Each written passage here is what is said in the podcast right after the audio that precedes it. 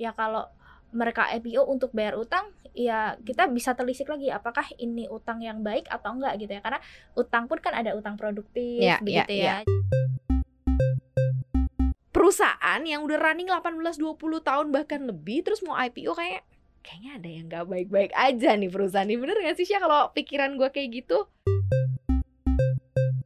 kita harus menilai animo dari masyarakat dulu Hmm, nih hmm, bagaimana hmm, sebelum IPO hmm. ya memang ini agak sulit ya diterka ya karena kita harus menilai sentimennya bagaimana Mm-mm. dan bisa juga berdasarkan feeling ya bisa dibilang gitu Mm-mm. Tapi kan mungkin dari situ kita bisa eh, nilai ya kalau kita udah masuk kita dapat penjatahan berapa semakin sedikit oh ini malah bisa menggambarkan semakin kencang gitu nanti Mhm. harga sahamnya Paham Pantauan Saham. Makin paham makin cuan. Halo Sobat Cuan, apa kabar? Selamat datang di podcast Cuap Cuap Cuan. Seperti biasa hari ini hari Senin ada paham pantauan saham. Makin paham makin cuan. Ya, bareng mereka Katarina dan juga Tasya Natalia. Tasya fresh banget loh hari ini aku ngeliatnya ya. Sangat apa ya nggak tahu deh kelihatan beda mungkin kelihatan lebih seger gitu ya lipstiknya kayak beda ya iya Kayaknya ya. ganti warna lipstick ganti warna lipstik jadi merubah semuanya Oke, sobat cuan seperti biasa ya di paham kita selalu angkat topik-topik seputar dunia investasi khususnya dunia persahaman yang namanya juga paham pantauan saham. Nah, sekarang kita mau bahas soal masalah IPO. Kemarin kan IPO IPO nih udah banyak banget kan. Udah banyak juga yang cuan, ada juga yang mendelep gitu ya. Tapi mendelep terus naik lagi kok beberapa kali ya. Iya. Jadi ada ada ada yang emang pas ketika IPO terus kemudian turun tapi ternyata di hari berikutnya ada respon yang berbeda. Nah, sobat cuan tahu nggak sih kenapa kok para perusahaan-perusahaan ini kemudian memutuskan untuk IPO? Aku juga selalu tanya ini sih eh, sama calon-calon emiten biasanya kalau dia datang ke studio, terus kenapa udah 18 tahun, udah 20 tahun jadi perusahaan yang ya running bisnis ya as well gitu kayaknya baik-baik aja kok mau IPO kenapa gitu ya kemudian jawaban mereka selalu ya biasa normatif ya kayak misalnya ya kita harus uh, lebih memper apa namanya memperluas lini usaha kita gitu ya cakupannya terus uh, mengajak juga para teman-teman investor untuk bisa trust to our business katanya kayak gitu. Nah sebenarnya kalau kita menganggap bahwa ketika sebuah emiten ini IPO sebenarnya lagi nggak baik-baik aja tuh oke gak sih ya? Karena mereka pengen exit strategi ya. Kita bahas soal IPO sebagai exit strategi gitu ya. Jadi Oke, ketika ada suatu perusahaan yang udah running 18-20 tahun bahkan lebih terus mau IPO kayak kayaknya ada yang nggak baik-baik aja nih perusahaan ini bener gak sih Syah kalau pikiran gue kayak gitu? ya wajar ya karena Mhm. sebenarnya buat apa perusahaan mereka ngeluarin saham baru tapi kok mereka nggak menerima uangnya gitu loh. Mm-mm. Kalau exit strategi kan berarti mereka membayar eh, uang hasil ya pengeluaran saham itu ke pemegang saham lama kan. Mm-mm. Artinya mereka nggak nggak dapet uang Mm-mm, dari mm-mm. hasil itu terus untuk apa kalau eh, nggak bisa ekspansi. Benar. Nah, Jadi kan kita cukup eh, apa ya? Kita sebagai investor juga mencermati dong. Mm-mm. Kita was-was ini kenapa dan Mm-mm, kita mm-mm. juga harus melihat eh, ada apa di balik itu. Apakah Mm-mm, kondisi mm-mm. keuangannya tidak baik-baik saja? Mm-mm. Nah, itu mungkin jadi satu hal yang kita harus concern ya kalau Mm-mm, misalnya mm-mm. ada IPO seperti itu. Tapi walaupun begitu aku lihat kalau di pasar ya namanya juga saham IPO, kita Mhm, belum tahu pergerakannya gimana dan sebenarnya ada yang seperti itu ya yang mereka memang ya sebenarnya ada di balik aksi IPO ada exit strategi karena Mm-mm. mereka nggak mendapatkan dana hasil IPO-nya. Tapi ya pergerakan harga sahamnya dalam beberapa hari malah terus melejit. Nah, Gitu. nah, nah, nah. Nah, Kenapa terus kemudian mereka memilih? Tapi kalau bisa dikatakan tidak baik-baik aja, mungkin bisa, mungkin iya nggak baik-baik aja, tapi memang mungkin dia mau ekspansi gitu ya. iya. Tapi kalau IPO adalah salah satu cara untuk exit strategi. Exit strategi that's mean kayak perusahaan lagi mengalami sesuatu, misal lagi butuh dana, butuh duit buat ekspansi, IPO. Dia lagi butuh duit buat bayar utang, IPO. Dia lagi butuh apa pun, pokoknya IPO. Jadi memang sebenarnya kalau dibilang IPO itu adalah exit strategi, berarti termasuk bener juga dong ya, Syah? ya? termasuk benar juga karena. Ini merupakan salah satu cara untuk mereka dapat dana kan. Benar, fresh Dalam- money ya kan? Iya, dalam jangka waktu yang cepat bisa dibilang mm-mm. gitu kan. Mm-mm. Nah, fresh money ini mereka bisa gunakan untuk apa ya? Untuk ekspansi. Kalau mereka punya utang ya bisa buat bayar utang. Mm-mm. Dan sebenarnya ya walaupun perusahaan punya utang pun kalau misalnya benar-benar nih uangnya digunakan dengan baik Mm-mm. gitu ya untuk membayar utang sehingga ini nanti ke neraca ya. Kalau Mhm. kita bilang neraca kan ada aset, ada ekuitas, mm-mm, ada mm-mm. liabilitas. Nah, Mm-mm. di bagian liabilitas ini perusahaan akan berkurang nanti neracanya bisa lebih sehat lagi dan ke depan bisa lebih eh, kuat untuk menopang perusahaan. Jadi sebenarnya ya kalau mereka IPO untuk bayar utang ya kita bisa telisik lagi apakah ini utang yang baik atau enggak gitu ya. Karena utang pun kan ada utang produktif Ya, begitu ya, ya. Jadi kalau misalnya memang itu untuk ekspansi eh, misalnya perusahaan itu kan ada beberapa ya dari perusahaan itu yang ekspansi dengan cara membayar utang karena utangnya itu dibuat untuk bayar tanah Mm-mm. atau lahan gitu nah lahannya itu untuk membangun bisnisnya mereka gitu itu juga nggak salah juga sih jadi Mhm. sebenarnya utang itu digunakan untuk ekspansi juga nah Berarti kita harus pinter-pinter ngebedain mana yang hutang produktif, mana yang hutang konsumtif gitu ya. iya betul Kalau misalnya, padahal kan kita ngomongin soal utang ya, utang produktif. Kalau tadi contohnya Tasya bilang ada perusahaan yang memutuskan IPO, kemudian dia membeli land bank lahan gitu ya, untuk usahanya berarti masuknya produktif. iya produktif Berarti harusnya nggak ma- nggak masalah gitu ya. iya bermasalah. Kalau misalnya untuk membayar gaji karyawan, nah ini kan bisa berarti- suka soal suka ada tuh udah membayar gaji karyawan. Iya, sering ada yang seperti itu ya. Tapi kita balik lagi porsi, porsinya berapa? Hmm, Rata-rata kalau yang untuk biaya operasional itu biasanya terakhir ya, nggak hmm, nggak hmm, terlalu dominan gitu dari hmm. ekspan apa dari biaya ekspansi yang lain gitu. Jadi kita lihat eh, berapa porsinya. Kalau itu dominan ya ini bermasalah ya karena itu tidak produktif gitu ya. Mhm, Itu nggak memberikan imbal hasil yang akan dicapai kemudian hari gitu. Jadi ya eh, kurang bermanfaat lah bisa dibilang begitu ya peng- Mhm. apa penggunaan dana IPO-nya. Jadi yang baik itu kalau perusahaan itu menggunakan dana IPO pertama untuk ekspansi ya. Ya. Ekspansi ya bisa dalam bentuk utang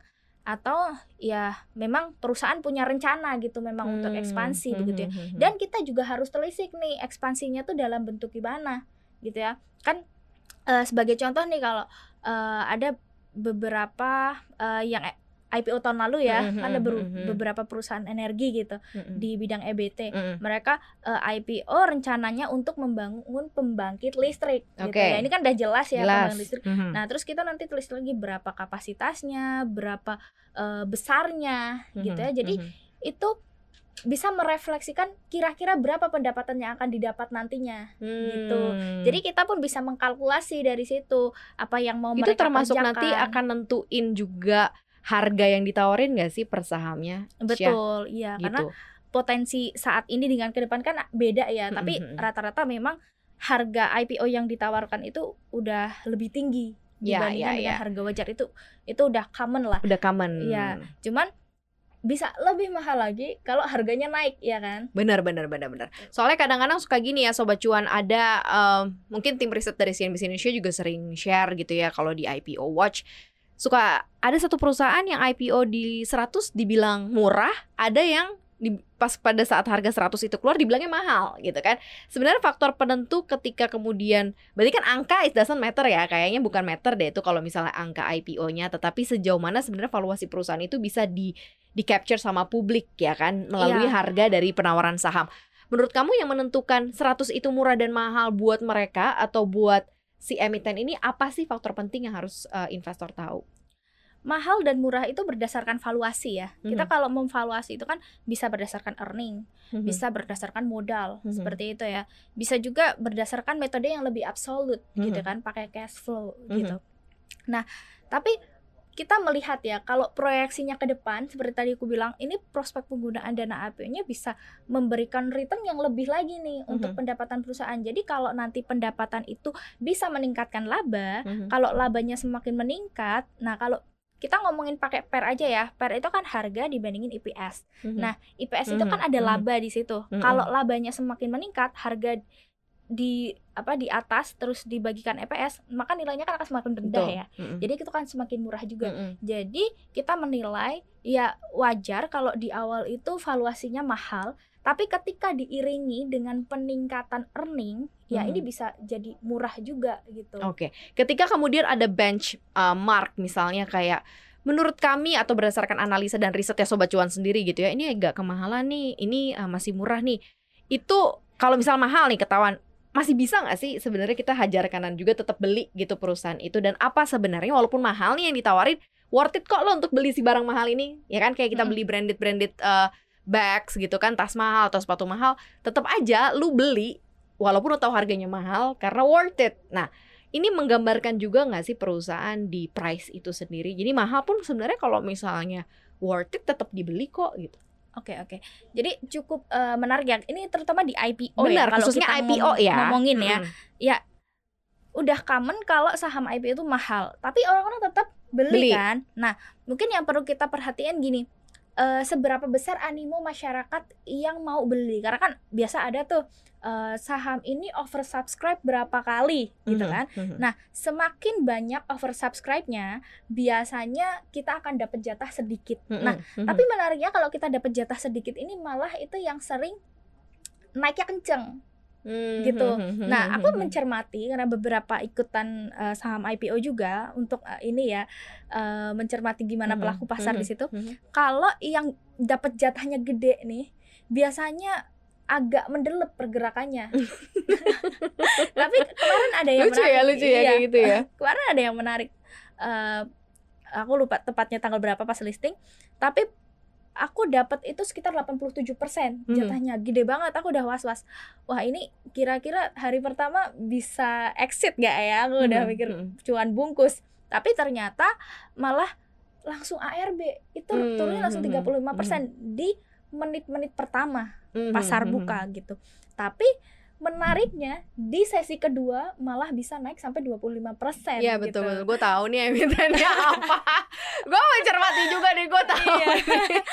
Jadi uh, aku mencermati memang kita harus menilai animo dari masyarakat dulu Hmm, nih hmm, bagaimana hmm, sebelum IPO. hmm. Ya memang ini agak sulit ya diterka ya karena kita harus menilai sentimennya bagaimana Mhm. dan bisa juga berdasarkan feeling ya bisa dibilang gitu. Mhm, Tapi kan mungkin dari situ kita bisa eh, nilai ya kalau kita udah masuk kita dapat penjatahan berapa semakin sedikit oh ini malah bisa menggambarkan semakin kencang gitu nanti Mhm. harga sahamnya perusahaan bergerak IPO mau cari exit strategi ternyata investor juga memilih saham IPO mikirnya juga exit strateginya juga harus cepat gitu ya. iya namanya juga investor Iya iya iya. Tapi sebenarnya uh, Tasya sendiri ngelihat nggak sih mungkin kenapa kok akhirnya kita perlu lebih aware terhadap saham-saham IPO yang memilih IPO untuk exit strategi karena memang perbedaan dari eh, apa ya capnya itu dari emiten yang sebelum-sebelumnya tuh jauh. Kalau dulu tuh capnya besar-besar. Dulu kita ngomong kayak 10 tahun mungkin 20 tahun lalu ya sobat cuan. Kalau kita kita nggak ngomongin 2 3 tahun terakhir. Tapi 10 20 ta- tahun yang lalu ketika kemungkinan eh, kemudian Gudang Garam, HM Sampurna, Indofood, Unilever dan teman-temannya itu listing, itu capnya gede gitu. Jadi secara bobot, wah kenceng banget gitu kan. Jadi sebenarnya nggak perlu khawatir juga kenapa dia mau IPO, mau exit strategi kayak mau apa kayak biasanya kita ya udah pilih-pilih aja. Tapi kalau sekarang karena mungkin capnya kecil-kecil ya, jadi ini kayak level of awarenessnya investor harus lebih tinggi lagi nggak sih untuk betul ngelihat? banyak kok yang ini ya mengeluarkan prospektus juga untuk yang listing di Februari dan semuanya itu profitnya atau dana IPO yang diraih itu belum sampai satu triliun gitu Mhm. Padahal kalau kita menilik tahun lalu aja ya, itu kan ada yang sampai 12T, Mhm. 9T kayak gitu. Dan eh, akhirnya ini belum ada yang sampai segitu dan kita menilai untuk market cap juga kecil-kecil. Mhm. Jadi kontribusi ke IHSG yang nggak gede. Kalau bisa kita bilang ini sahamnya second liner, third liner ya, Mhm. yang mana likuiditasnya biasa kecil, volatilitasnya lebih tinggi. Biasa ya kalau kita mengklasifikasikan berdasarkan eh, saham, Mhm. ini tuh saham Mhm. biasa cocok buat apa? Ini biasa cocoknya buat trading sih. Oke. Eh, biasanya untuk scalping gitu ya. Mhm. Kalau untuk investing tuh sebenarnya aku masih wait and see juga gitu kan, karena Mhm. aku belum menemukan eh, yang memang benar-benar kinerjanya itu eh, baik gitu ya. Karena kalau kita mau investasi ya sebenarnya selain berdasarkan fundamental ya, oh Mhm. kita udah percaya nih fundamentalnya bagus. Tapi kalau sahamnya kurang liquid ya gimana ya kita mau exit nanti kita mau jualan tapi susah dijual siapa Mhm. yang mau beli Mhm. gitu kan Mhm. jadi kita juga harus memperhatikan itu ya jadi kalau kita eh, sewaktu-waktu pengen jualan itu ya uang kita cepet gitu Mm-mm. eh, Mm-mm. apa dapatnya jadi itu poin penting banget ya untuk kita mengetahui likuiditas Mhm. Likuiditas, kemudian juga kinerja, performa yang kamu bisa cek juga ya sebelum mengeluarkan prospektus itu dan planning awalnya gitu. Apakah memang benar-benar mencari fresh money untuk exit strategi atau untuk terbebas dari beban-beban atau rencana-rencana lain karena banyak banyak banget IPO yang belakangan ini muncul ada afiliasi sama caleg-caleg ternyata. oh ternyata caleg si caleg. Siapa tahu ya kan butuh dana kampanye juga. Itu mesti kita tahu juga kan. Karena iya. ketika sebuah perusahaan memutuskan untuk jadi milik publik seharusnya sudah tidak ada yang dibongkar atau tidak tidak ada yang dirahasiakan kan. Harus benar-benar open kan. Tapi di sisi lain ya kita jadi bisa punya pemikiran oh jangan-jangan emang IPO untuk ini untuk itu gitu kan.